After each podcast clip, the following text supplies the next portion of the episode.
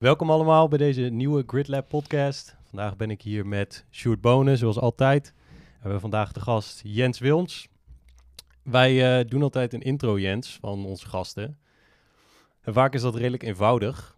Maar bij jou vind ik dat toch al lastig, omdat jij zoveel verschillende dingen doet. Dus ik zat te denken aan World's Most Interesting Man of eh, Renaissance Man. Ik weet niet of je dat begrip kent, maar dat is iemand die altijd met heel veel verschillende dingen bezig is. Maar eh, ik ga toch een poging doen.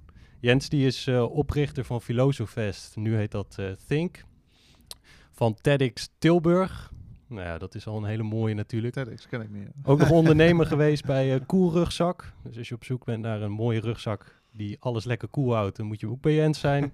Klassieke ontdekkingen, waarmee hij zijn passie deelt voor klassieke muziek. Nou ja, ga maar door, ga maar door. Ook nog student, dus nu bezig met een master. Dus ja, Jens, zou jij gewoon eens kunnen uitleggen wie je bent en wat je doet. Nou, ik denk uh, bedankt voor de, de mooie intro. Uh, eerlijk gezegd, ik uh, heb gewoon veel ideeën en ik wil gewoon veel en ik doe het gewoon. en, ik, en ik kijk wel waar het gaat en weet je, de meeste dingen gaan fout. Maar ja, dat is ook weer mooi, want daar leer je dan ook weer van. Precies. Gaaf man. Waar komen die vele ideeën bij jou vandaan dan? Ik, ik, ben, ik denk dat ik altijd gewoon heel nieuwsgierig ben geweest. Mm -hmm. Over alles eigenlijk. Over de wereld, hoe de wereld in elkaar steekt en over mensen. En ja, ik denk dat daar wel die, dat is ontstaan van, hey, ik wil wel dingen gaan doen. En, en hoe werkt het dan precies? Uh, kijk, het is leuk alleen te begrijpen, maar je wil natuurlijk ook daar dingen mee gaan veranderen. Ja, dat is gaaf. Dat, volgens mij zijn er heel veel mensen die heel veel interesse hebben, maar er zijn weinig mensen die er ook echt wat mee doen. En volgens mij ben jij juist ook heel goed in die uitvoering. Want ook met Filosofest, want daar, ja, wij kennen elkaar, volgens mij elkaar toen ontmoet bij of bij Academic Business Club of bij Eigenaardig. Maar ja, ik ben ook op een aantal Filosofest evenementen geweest. En dat was altijd zo, zo'n enorme energie en, en ook betrokkenheid. Van, want jij hebt daar gewoon ook vrijwilligers die daar meedoen. En um, dat was natuurlijk ook bij TEDx Tilburg zo. Dat, dat start je dan, maar daar heb je ook andere mensen voor nodig.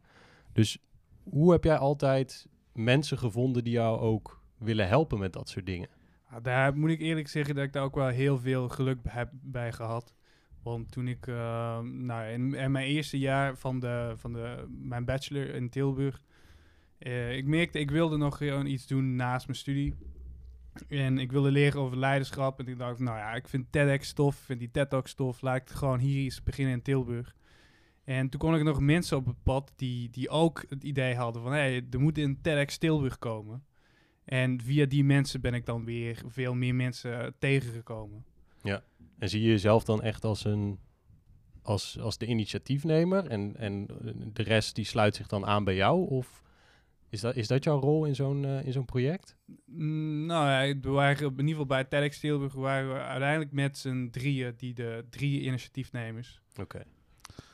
Ik ben wel benieuwd van hoe, hoe begin je zoiets? Hè? Kloppen dan bij TEDx aan van hey, uh, we willen jullie gaan ontginnen in Tilburg? Of hoe doe je zoiets? Uh, nou ja, begin bij de, de website. Ik weet niet, moet je wel eens kijken bij de TEDx of TED.com. Daar kun je mm -hmm. naar die website gaan en dan kun je kijken van oh, start your local chapter. Oh, ja, ja. En uh, nou ja, er zijn heel veel regels waar je allemaal aan moet houden en, en ja, dat, ik keek de eerste naar en dacht van, oh, hier moet ik eigenlijk niet aan beginnen. Doen eigenlijk toch gedaan. En kijk, die regels die geven je ook wel een beetje houvast van, oh, dit zijn allemaal dingen waar je aan moet denken. En, en het scheelde wel dat een van die andere initiatiefnemers, Frederik, uh, hij, had al, hij was al betrokken bij TEDx Breda. Dus hij heeft Ah, vanuit die uh, kant al veel ervaring met het opzetten van zoiets dergelijks. Ah ja. Ja, super gaaf. En hoe, hoe was dat e eerste eerste evenement. Dat je, je, je neemt je voor om dat te gaan doen. En er komt natuurlijk, wat jij zegt, heel veel bij kijken om dat allemaal goed op te zetten. Maar hoe is dat dan om, om zo'n eerste evenement te organiseren? Ja, het was heel, heel gaaf. Het was wel een hele grote uitdaging. Uh, ik heb niet veel geslapen in die dagen ervoor. Maar het was wel, ik, ik weet nog heel goed dat, ik, uh, dat we dat evenement hadden gehad. En uh, het was klaar en we gingen daarna gewoon iets drinken. En ik liep daar met zo'n big fucking smile naar buiten. En ik had die, die X gewoon naar buiten. en, en, en, ik kan alleen maar lachen, man. Ik was zo tevreden met alles hoe het ging is gegaan. En gewoon trots op hoe we hadden het neergezet. En ik denk dat dat sowieso voor Watch ook doet. Dat het wel heel interessant is en heel tof is om...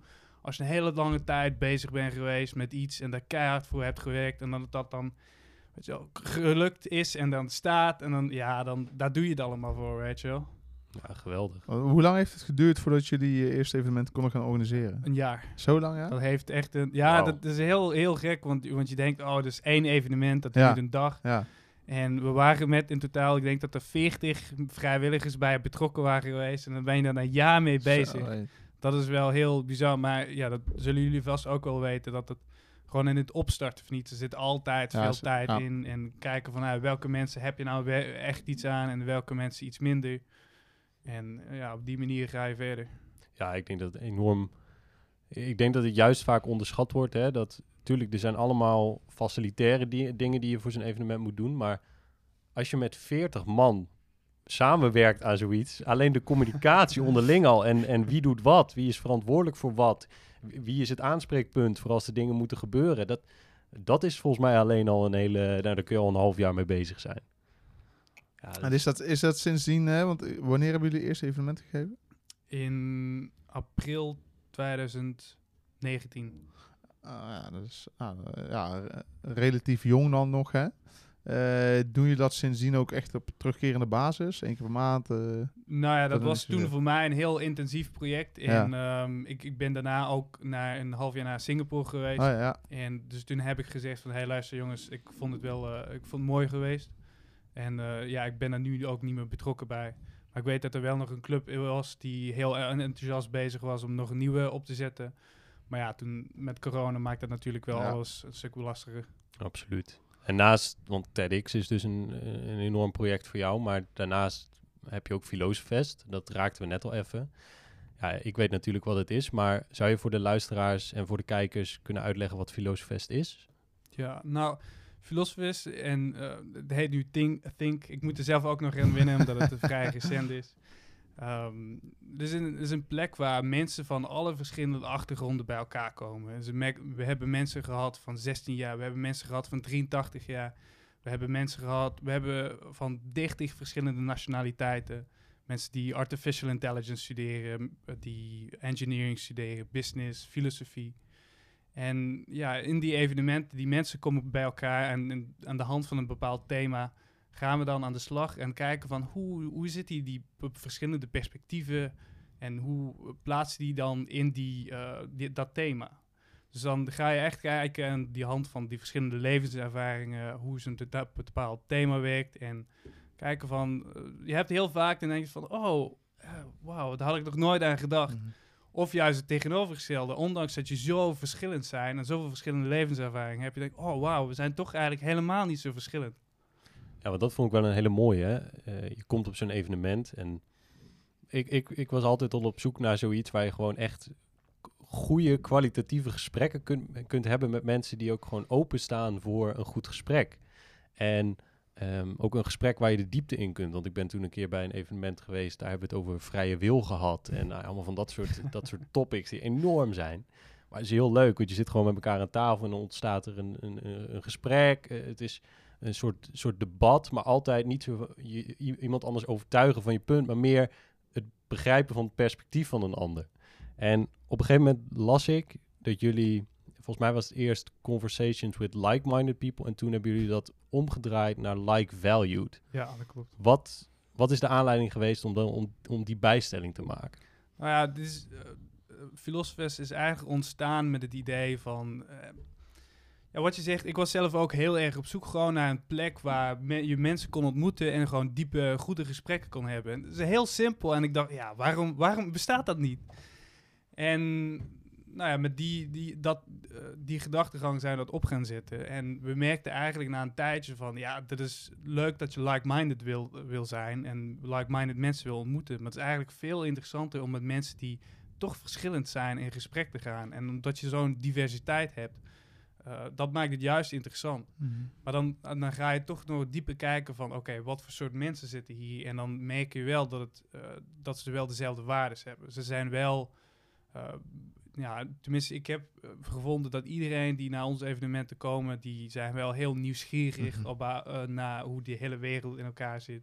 En open-minded is denk ik ook wel een hele belangrijke waarde, value, eh, die al die mensen delen.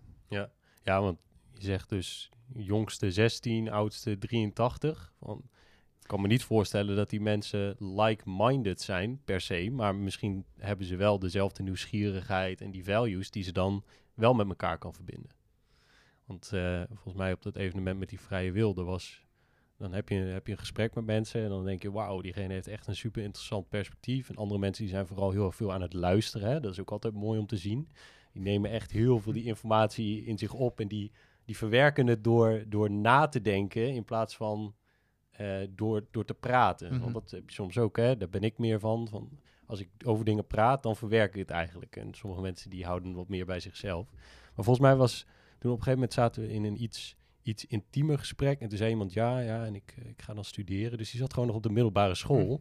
En die was gewoon ook bij dat evenement. En dat, dat slaat me nog steeds bij. Dat vond ik zo gaaf. Van mensen echt van zoveel verschillende achtergronden, maar ook nationaliteiten. Hè? Want eh, toen wij hier net naartoe liepen, toen zei je dat, eh, dat er volgens mij meer, meer dan 30 nationaliteiten op dat soort evenementen zijn geweest. Ja, geweldig. Eh, waarom heb je uiteindelijk... eh, ik ben zelf ook nog nooit bij Filosofest geweest, dus ik zou graag ook Fink. een keertje... Of, sorry, Fink. Eh, graag een keertje willen aansluiten. Maar ook daarin dan direct ook mijn vraag van... Waarom heb je uiteindelijk ook de... je geeft aan van... We zijn meer naar like-minded naar eh, like-value, als ik het even goed zeg, eh, gegaan. Waarom heb je uiteindelijk de keu- keuze gemaakt om de naam Filosofest overstappen naar Fink? Ehm, nou, we, we merkten eigenlijk dat Filosofest... eh, de- het is wel een beetje filosofisch wat we doen, maar we doen geen filosofie. Mhm.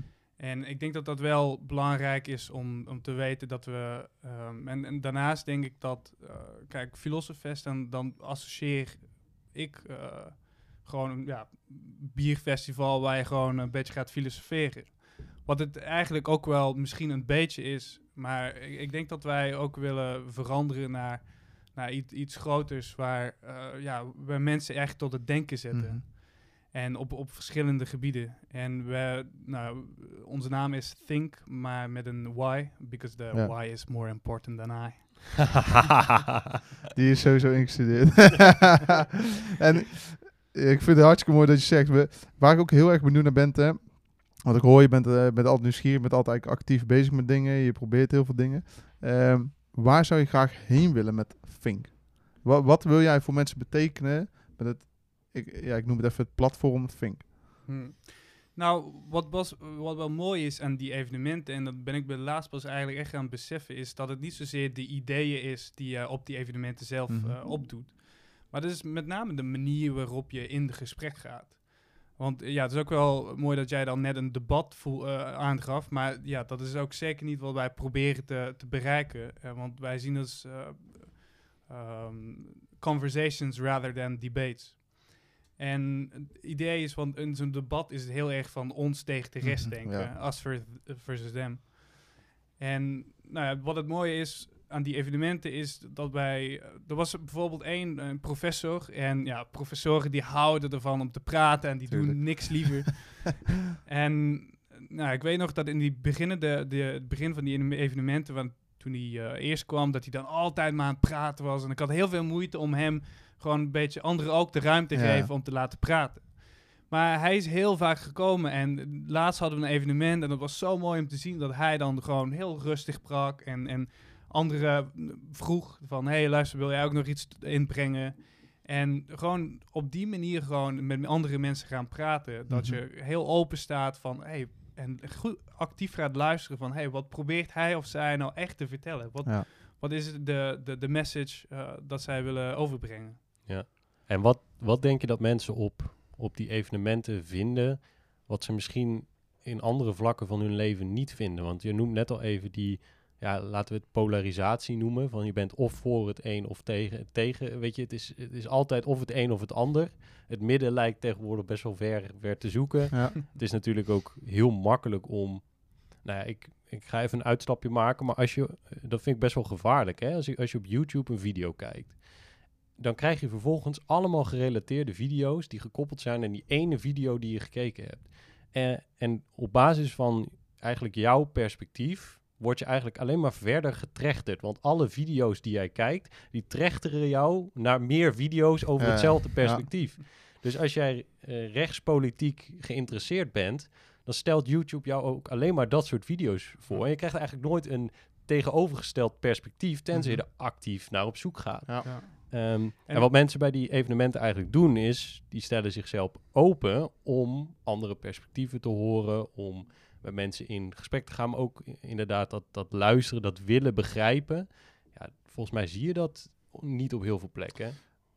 Ik denk dat het ook heeft te maken met dat eh, de mensen die op zulke soort events komen, ik denk dat dat ook mensen zijn die zichzelf enigszins wel goed kennen. Of in ieder geval willen leren kennen. Ja, dat, Ik denk dat dat heel belangrijk is. Want als je bijvoorbeeld in Amerika heb je de Republikeinen en de, en de Democraten. En het, dat hebben we ook met Jos hebben we het over gehad, hè? Eh shout-out naar Jos. nee, maar eh, wat hij ook afgaan in de, eh, aangaf in de podcast was... Hè, als een republikein zijnde kan je een bepaald idee hebben...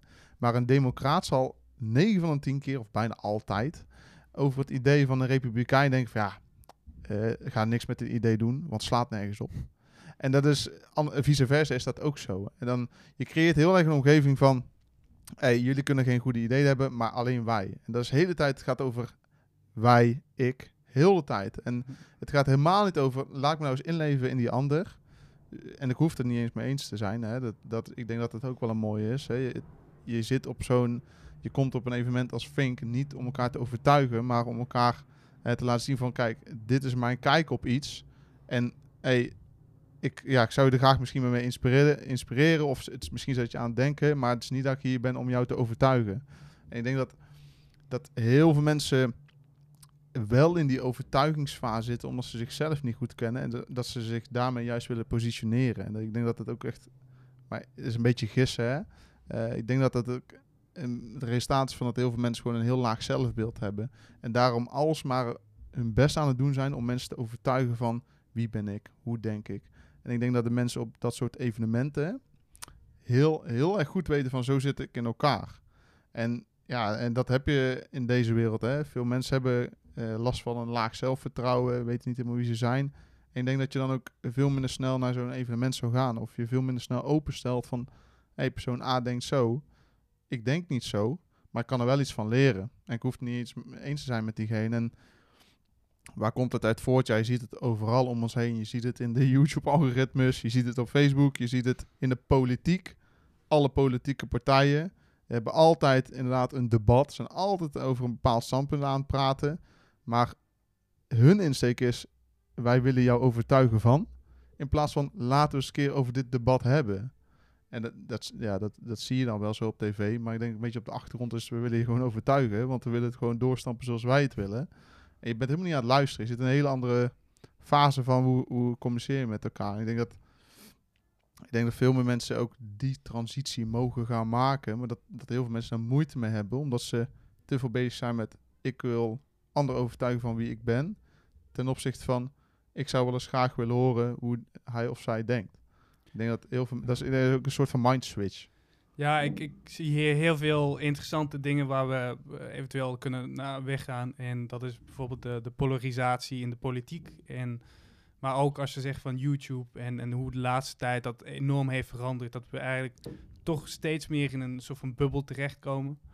Maar het is inderdaad ook van die, die, die eigen mindset en hoe die mensen zichzelf eh, ontwikkelen in dat opzicht. Ehm, nou, dus laat ik maar beginnen met de, de, de, de politiek. Eh, ik las laatst een interessant artikel en dat ging daar eigenlijk over. Want, en eh, er zitten ook nog wel positieve dingen aan, die polarisatie. En dat artikel, dat, dat gaf het perspectief.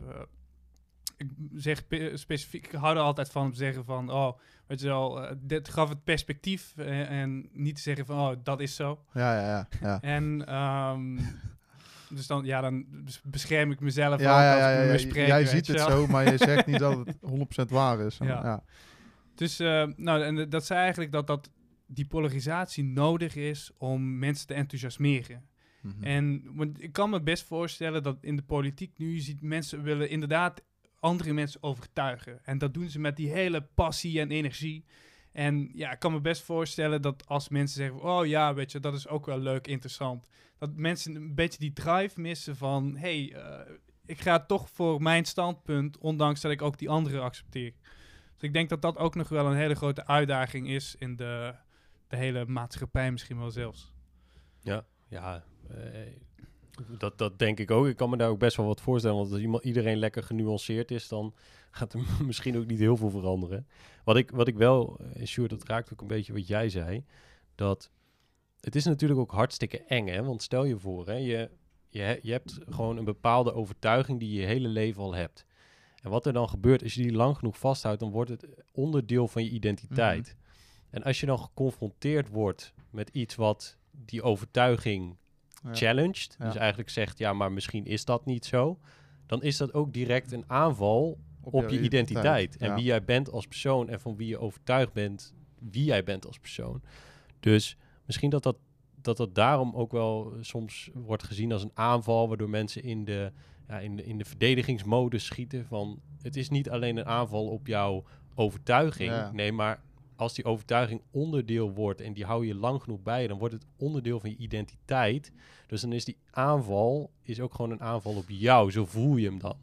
Ehm, en ik vind het dan wel knap, Jens, en dan wil ik jou ook gewoon vragen van hoe creëer je die, die sfeer eh, op zo'n evenement of, of die omgeving waar mensen zich blijkbaar toch veilig genoeg voelen hè, om, om zichzelf kwetsbaar op te stellen, om, eh, ja, om, om daar gewoon voor open te staan. Ja, ik, ik denk dat dat, eh, dat is een hele interessante vraag. En eh, wat jij al, waar je mee begon, dat is al heel belangrijk. Dat, dat eigenlijk al jouw ideeën en alles wat je vertelt, moet duidelijk zijn. eh, dit is geen aanval op jou als persoon, maar gewoon, ehm, dit is kijken van, je daagt eigenlijk de andere mensen uit om ehm, zijn eigen ideeën en perspectieven nog eens beter te bekijken. Als je dat op die manier al benadert, dat is al een eerste stap. En nou ja, eh, het begrip wat jij een beetje naar op zoek bent, denk ik, is psychologische veiligheid. En ehm, nou ja, dat, dat komt eigenlijk uit de, de, de businesswereld. Ehm, ziekenhuizen is het ook vandaan gekomen. En dat gaat er eigenlijk om dat mensen je- ja, in hun bedrijfsleven veilig genoeg voelen om tegen hun baas te zeggen van... hé hey, luister, wat jij zegt, dat klopt volgens mij niet Mhm. helemaal. Mhm. En ehm, ja, dat is, ik denk op heel veel gebieden is dat belangrijk. En, en wij vinden dat in de evenementen ook een van onze belangrijkste punten. En ja, hoe creëer je dat? Nou, ik moet eerlijk zeggen, in onze evenement is dat heel natuurlijk gekomen. Ja. Het is eigenlijk pas daarna gekomen dat we denken van, hé, hey, hoe, hoe kan dit nou? En ik denk dat het wat heel belangrijk is, is dat je een, een mooie een context geeft. Dus als jij mensen meeneemt in zo'n, eh, in je gebouw, in je evenementengebouw, dat je dan al direct zet van, hey, het is een rustige omgeving, eh, pak iets te drinken, eh, relax. En op, op de tweede plaats, ja, wat nou belangrijk is, is eh, dat mensen op de eerste plaats comfortabel voelen. Mhm. En je, eigenlijk, je moet, eh, wij hebben, ieder van onze gesprekken hebben een facilitator. En die facilitator, dat heeft een enorm belangrijke rol. Want die rol is om mensen zich veilig genoeg te laten voelen. En kijken dat die gesprekken niet te overhit worden. En ja, hoe, hoe pak je dat dan aan?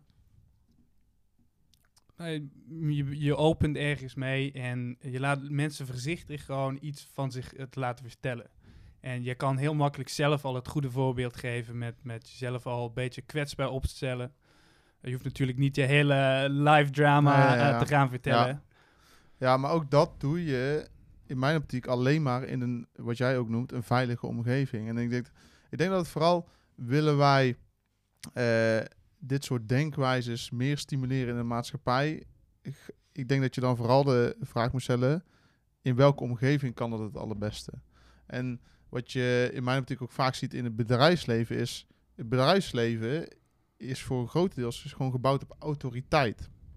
Je, hebt, eh, je hebt je baas, je hebt een onderbaas en dan heb je jij.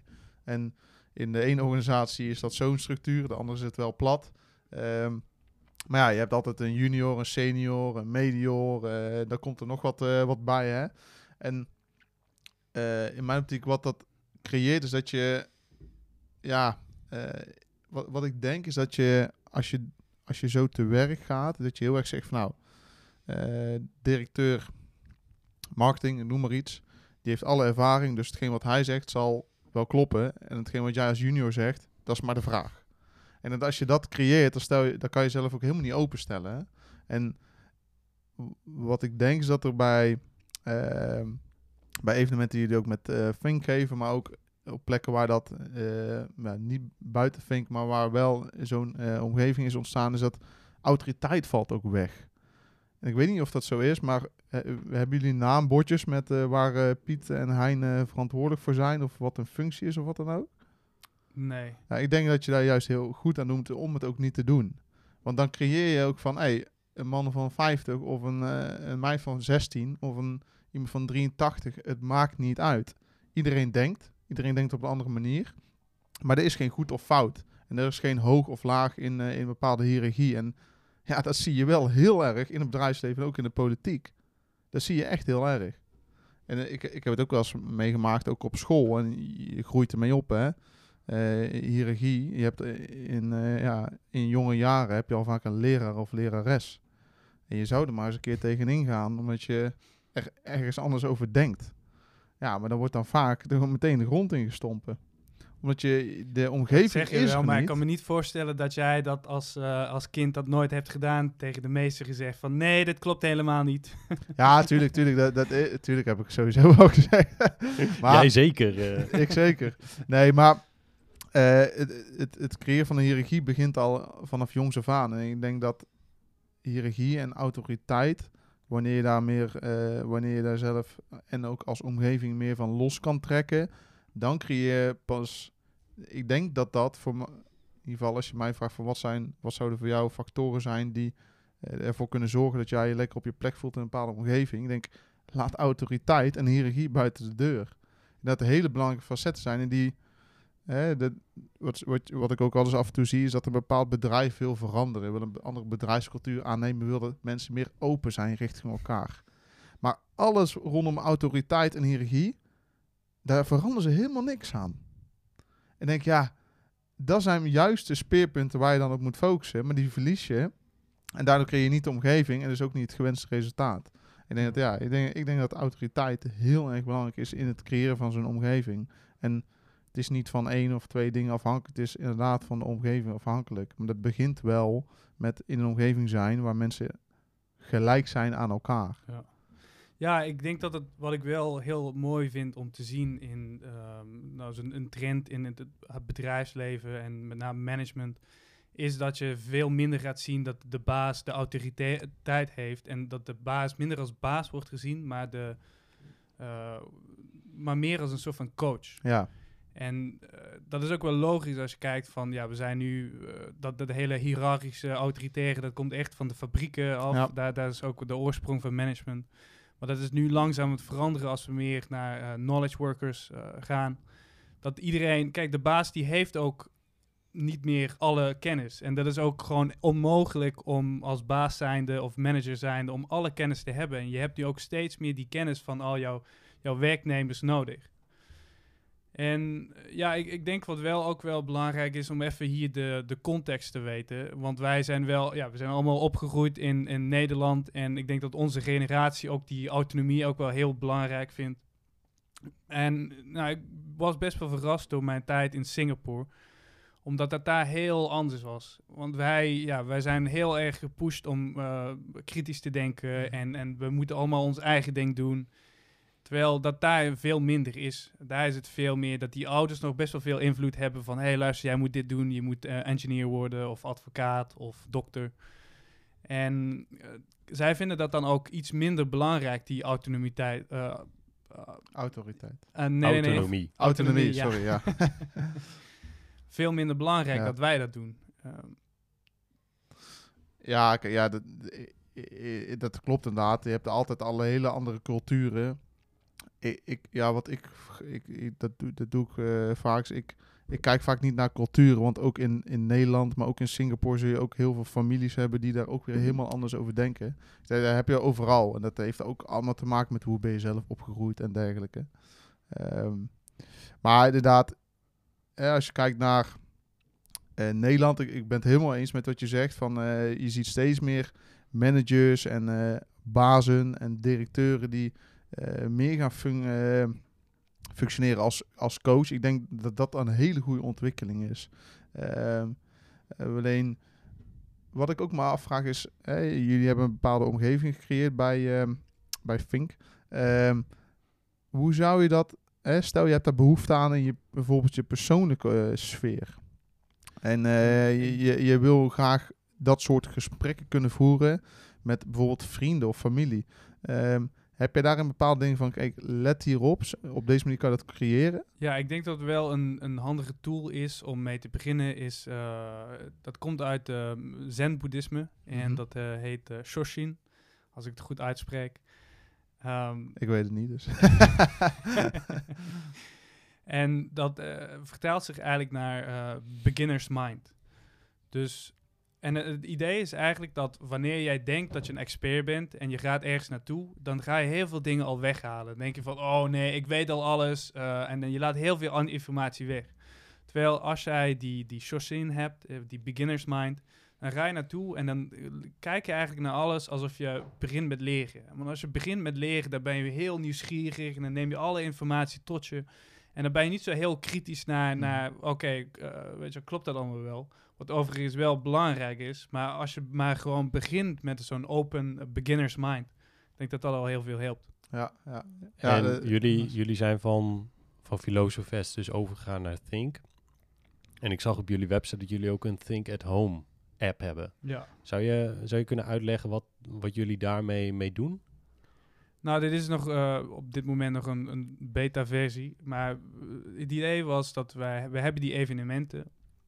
Maar we willen eigenlijk ook mensen de mogelijkheid geven om ja, betekenisvolle gesprekken te hebben buiten die evenementen. En met dat idee hebben we eigenlijk een soort van eh, app, een webapp ontwikkeld. En dat is eigenlijk gebaseerd op het idee van die eh, 36 Questions to Love. Ik weet niet of je daarmee bekend zijn. Ja, daar heb ik wel eens van gehoord, ja. Ik niet, nee. Nou, er is zo'n, ehm, ik weet al niet meer welke professoren van welke universiteit dat hebben gedaan, maar dat is in ieder geval op de New York Times eh, gepubliceerd. En dat is een, het zijn de- 36 vragen die, die je moet eigenlijk stellen aan een onbekende. En het idee ach, daarachter is dat je na die 36 vragen je verliefd wordt op iemand. Mhm. Maar die vragen die zijn heel mooi in elkaar gezet met het idee van... ehm, die spelen heel mooi met emotie en met die vulnerability, die kwetsbaarheid weer. En dat zet zo'n mooie opbouw in dat je eigenlijk daar zo'n hele emotionele eh, connectie mee kan maken. En dat eh, ja, die atmosfeer, wat ook misschien een beetje in die, die Philosophest evenementen, eh, Think evenementen eh, gebeuren. Wat is het nou? Ehm, en ja, met dat idee zijn we ook die, die app gaan maken. Mhm. En daar hebben we ook weer onderwerpen van, eh, van vorige evenementen hebben die daar eh, in verwerkt. Ja. Ja. ja. want ik heb toen dat, dat evenement eh, met, met vrije wil, dat was eigenlijk gewoon aan, aan tafel, uh, facilitator erbij, een één thema en dan na een tijdje dan kon je overstappen naar een ander thema. Maar bij een later evenement, hadden jullie met Toasty, hadden jullie het, ook Hm. de technologie in dat evenement gebracht. Ehm, en nou ja, daardoor was het eigenlijk super interessant, want je gaat aan tafel zitten met mensen en door middel van technologie leer je elkaar eigenlijk super snel kennen. Ehm, ja, ik ben daar geweest, de luisteraars natuurlijk niet, maar zou jij een, een beeld kunnen schetsen van hoe dat eruit ziet en waarom jullie die stap hebben gemaakt om ook dat element in jullie evenementen te brengen?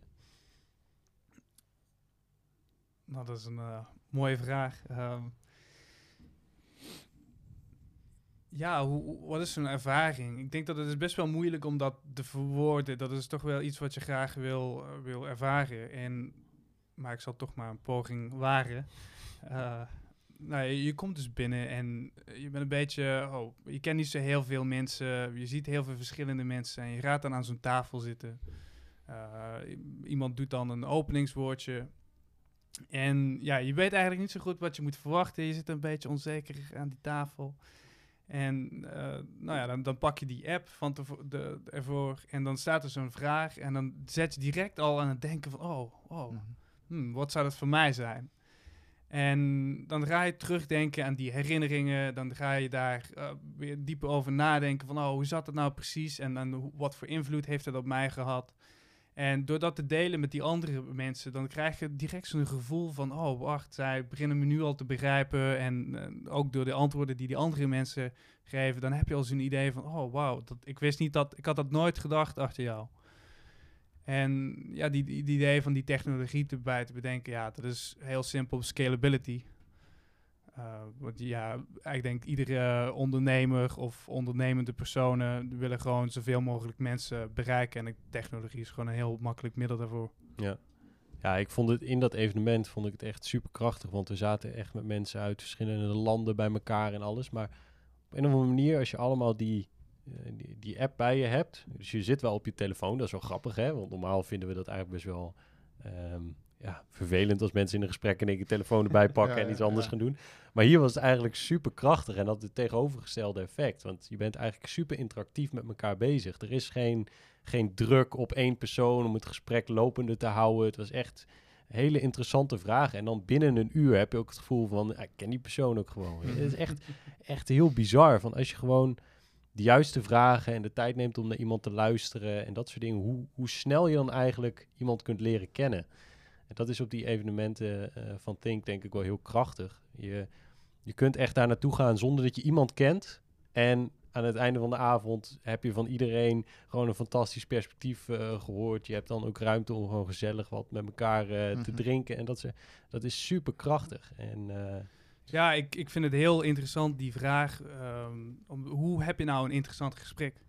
En ja, dat hebben jullie natuurlijk als podcastmakers uh, ook gewoon heel. Zijn jullie nou ook iedere dag mee bezig? Ja. Oh, sorry. Ja. Nee, ja, ik ben. Kijk, hoe heb je inderdaad een interessant gesprek? Maar ik denk vooral dat je bij jezelf moet nagaan: wat is voor mij een interessant gesprek? Ik denk dat het daar vooral begint. Hè, van, uh, de ene keer kan het zijn dat je bepaalde informatie wil inwinnen. En dat ja, is in een split second. Hey, voor mij is dat een interessant gesprek geweest. Hmm. Um, ik denk vooral, misschien is het een betere vraag voor hoe heb je een open gesprek? Ja, ik denk als jij een open gesprek weet te creëren, dan wordt het vanzelf interessant. Dat denk ik ook, ja. Als jij ja. oprecht in een gesprek, want dat, dat is het vaak, hè, als je naar zo'n evenement gaat, dan kun je ook zeggen: Oké, ik ga me van tevoren helemaal voorbereiden. Ik ga echt gewoon in Google Drive ga ik een ja, heel document opstellen over vrije wil. Dat is ja, dit. ja. En dat neem je mee. En ja, precies. En dan ondertussen ben je alleen maar bezig Hey, met wat ik ga daag ik je uit om dat een keertje te doen. Kijken wat er gebeurt. Ja, ik ben echt heel benieuwd. Maar, ja, maar uiteindelijk, laten we heel eerlijk zijn. Ik, je weet niet wat een ander in een gesprek gaat zeggen. Dus ik Ja. kan alles voorbereiden. Maar hoe makkelijker... Ja, ik, ik vind dat veel makkelijker. Ook voor de mensen die moeite hebben met communiceren in groepen. Dat soort dingen van... Luister en vraag. Ja. Dat is, dan haal je alle druk van jezelf. Want het enige wat je hoeft te doen... is naar mensen luisteren. En als ze iets interessants zeggen... Oh, eh, waarom is dat zo? Waar, oh, wa- wa- waarom zeg je dat? Wat is, ehm, wat is je ervaring daarmee? Wat, wat, eh, gewoon echt oprechte interesse in iemand anders doorvragen. Dan hoef je zelf helemaal niks. Denk, voor te bereiden. Ik denk dat je echt wel iets... Je raakt die sky moois. En dat is... Ik, ik had het net ook al even over, hè, dat ik, dat ik denk dat mensen die, eh, die minder openstaan voor dit soort gesprekken en een soort van mindset hebben van ik wil diegene overtuigen, ehm, die, die zitten heel anders in gesprek. En daar hebben we het ook wel eens, ehm, ik heb het ook wel eens eerder eh, op, op onze studie over gehad. Hè. Eh, je kan luisteren ehm, met de intentie om direct te beantwoorden, maar je kan ook luisteren met de intentie om te begrijpen. En ik denk dat dat, dat zo belangrijk in zo'n gesprek. Maar ook wat je net doet, presenteren. Ik, ook, ik, heb, ik had eerst altijd, weet ik nog op de middelbare, alles wat ik moest presenteren ging ik echt tot in detail voorbereiden. En dan, ik verpest het dan helemaal, weet je die dag na. Gewoon na vijf minuten was je allemaal aan het stotteren en noem maar op.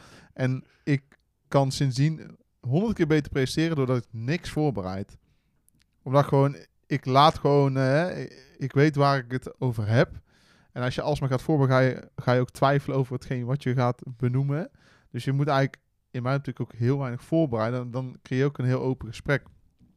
Ehm dan ben ik even niet naar waar ik nou terug naar wou pakken. Maar ehm, Ja, dan eh, kan ik er wel op aansluiten. Ik, Ja, ik vond het ook... ja, wel eh, mooi wa- wat je zegt over de, de, de mindset. Dat dat Mhm, ook ja. heel belangrijk is en dat je die daar open bent en dat je oprecht geïnteresseerd bent naar die anderen. Ja. En ik denk dat terugkomend op die vraag van wat maakt die, die open environment eh, in, in eh, Think. En dat is dat iedereen die intentie heeft om de ander te leren begrijpen. En ik denk dat dat inderdaad heel belangrijk is in ieder gesprek dat je gaat. Van hey, als je een interessant en een open gesprek wil, dat je wel die, de, ook bij jezelf die Ja. intentie hebt van, hé, hey, ik ben oprecht geïnteresseerd naar die ander. Kijk, en als je dat niet bent, ja, dan kun je eigenlijk net zo goed weggaan. Ja, je legt niet de juiste fundering voor een open gesprek. Ja. Als jouw intentie is alsmaar van ik wil diegene overtuigen van hoe ik denk, ja, dan, is het, dan valt heel de fundering weg die je nodig hebt om zo'n gesprek te hebben. Ja. En dat is mooi aan dat, dat jij ehm, bij, eh, bij Fink eh, in ieder geval een omgeving weet te creëren waar mensen die intentie niet hebben. Ja, ik vind dat prachtig. Ja, en ik, ik- ja, je moet denk ik ook wel accepteren dat inderdaad niet altijd zul je zo'n open gesprek kunnen hebben. Want kijk, je hebt zelf vaak ook nog wel gesprekken waar je niet echt, ah, let's be honest, niet heel geïnteresseerd bent in Mhm. een ander. Of, of misschien heb je het heel eh, zware dag gehad en je moet gewoon even je ei kwijt. Of, of misschien moet je wel gewoon iets verkopen. En eh, ja, ook daarbij is het wel...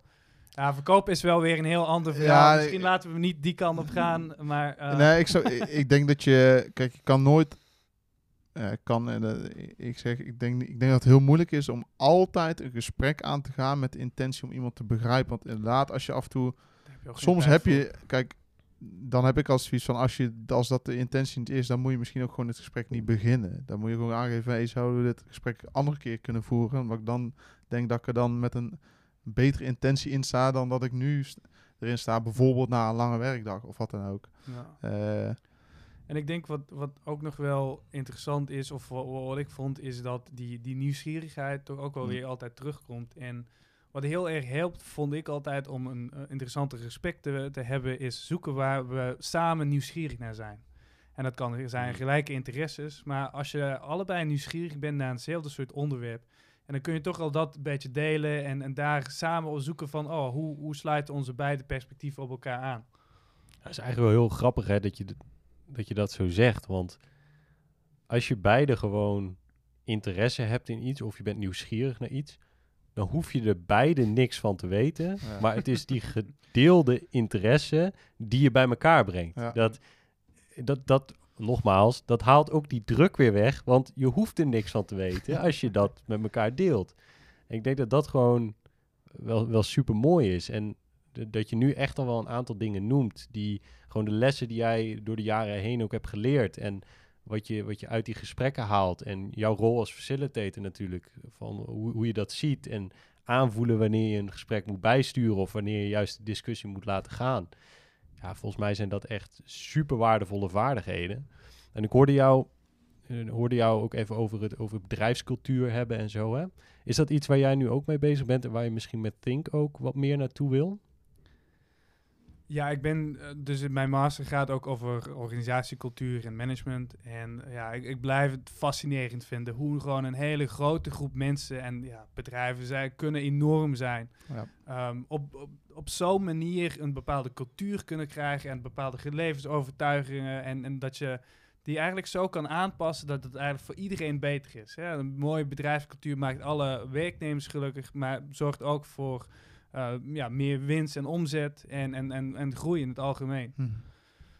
Ik, zat, ik, zat, ik kwam net opeens iets in me op. Ik heb totaal niet het idee van eh, hoe dan precies. Maar jij noemde net al inderdaad die app, hè, die webapp.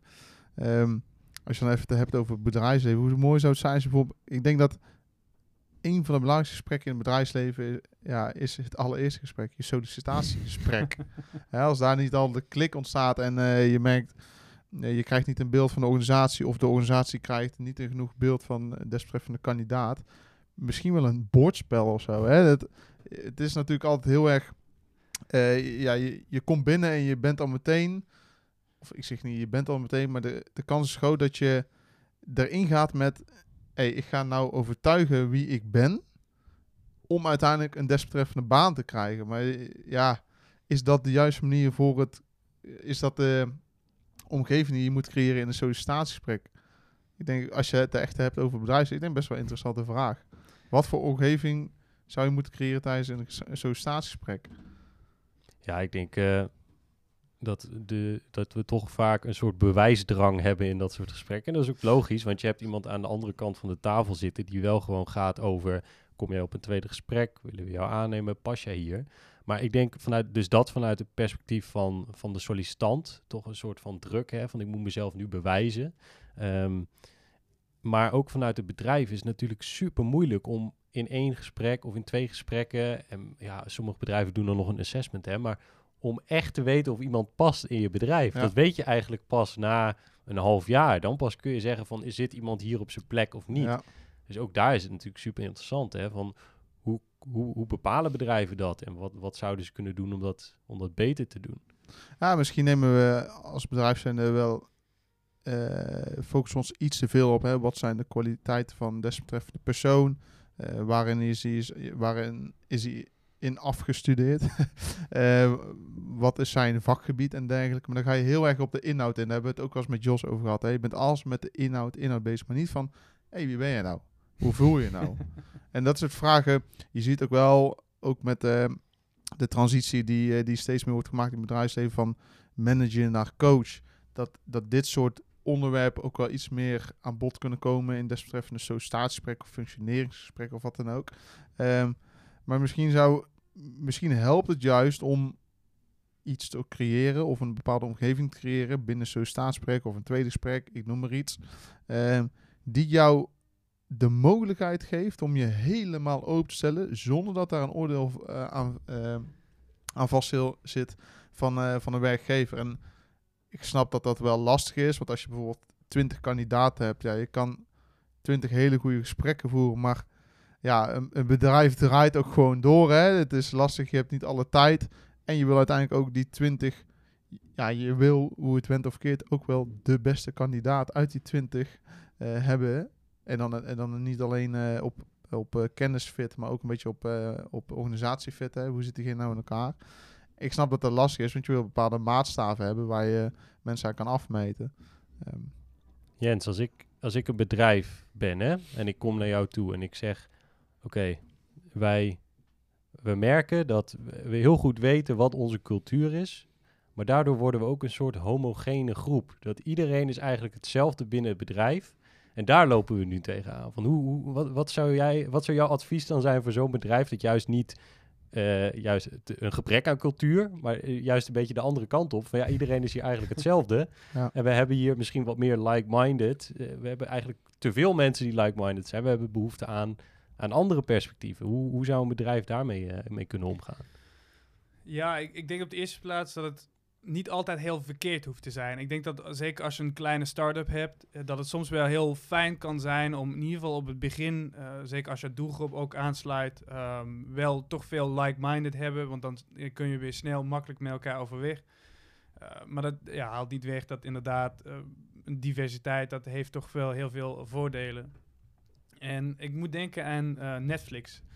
Netflix heeft best wel een interessante bedrijfscultuur. Dat werkt niet voor iedereen. Ehm, er is ook veel, de, de culture memo, eh, moet je maar eens opzoeken. Dat is best wel interessant. En wat Netflix eigenlijk zegt over die, die diversiteit, is dat ehm, heel veel bedrijven, als ze groeien, dan hebben ze het idee van, oh, we moeten wel kijken dat we die, die culture fit hebben. Maar Netflix zegt juist van, nee, dat willen we helemaal niet hebben. We willen die, die, die culture addition hebben. Dus bij Mhm. eigenlijk denken van hoe eh, bij ieder persoon dat ze aannemen dat die bedrijfscultuur niet verloren gaat, maar juist groeit. En ik denk dat is ook wel weer een mooie mindset te hebben, ehm, wat je weer verder kan brengen. Ja, super mooi. En ik, ik, heb jij ooit eh, het boek Principles van Ray Dalio gelezen? Nee, staat wel op mijn lijst. Ja, dat is, echt, eh, is e- ook echt een fantastisch eh, boek. Want hij vertelt eigenlijk hoe hij bij zijn bedrijf Bridgewater Associates... wat voor principes hij eh, gesteld heeft. En dat is echt een enorme lijst volgens mij. Ehm, en daar gaat het heel veel over thoughtful disagreement. En dat, dat raakt eigenlijk heel mooi de dingen die jij nu, nu noemt. En daar heeft hij eigenlijk dat hele bedrijf op gebouwd. Mhm. En daardoor zijn zij super succesvol. Hij zegt dat komt gewoon echt door de cultuur en de principes waarop die cultuur is gebouwd, die we hier creëren. Maar dat gaat er niet om dat iedereen het met elkaar eens is. Hij zegt zelfs, als je het met iemand oneens bent en je zegt het niet tegen diegene, Ja. Dan kun je bewijzen van, eh, wijs ik je de deur. Ja, ja, want precies. het gaat hier allemaal om thoughtful disagreement. Van, Ja. Als je dat niet met elkaar durft te delen, dan hoor je je niet in deze cultuur. En Mhm. ja, dat, dat, daar moest ik echt aan denken toen je dat net zei. Want dat is volgens mij ook echt een voorbeeld van een bedrijfscultuur die echt dat soort elementen, dat soort principes heel erg erin verwoven.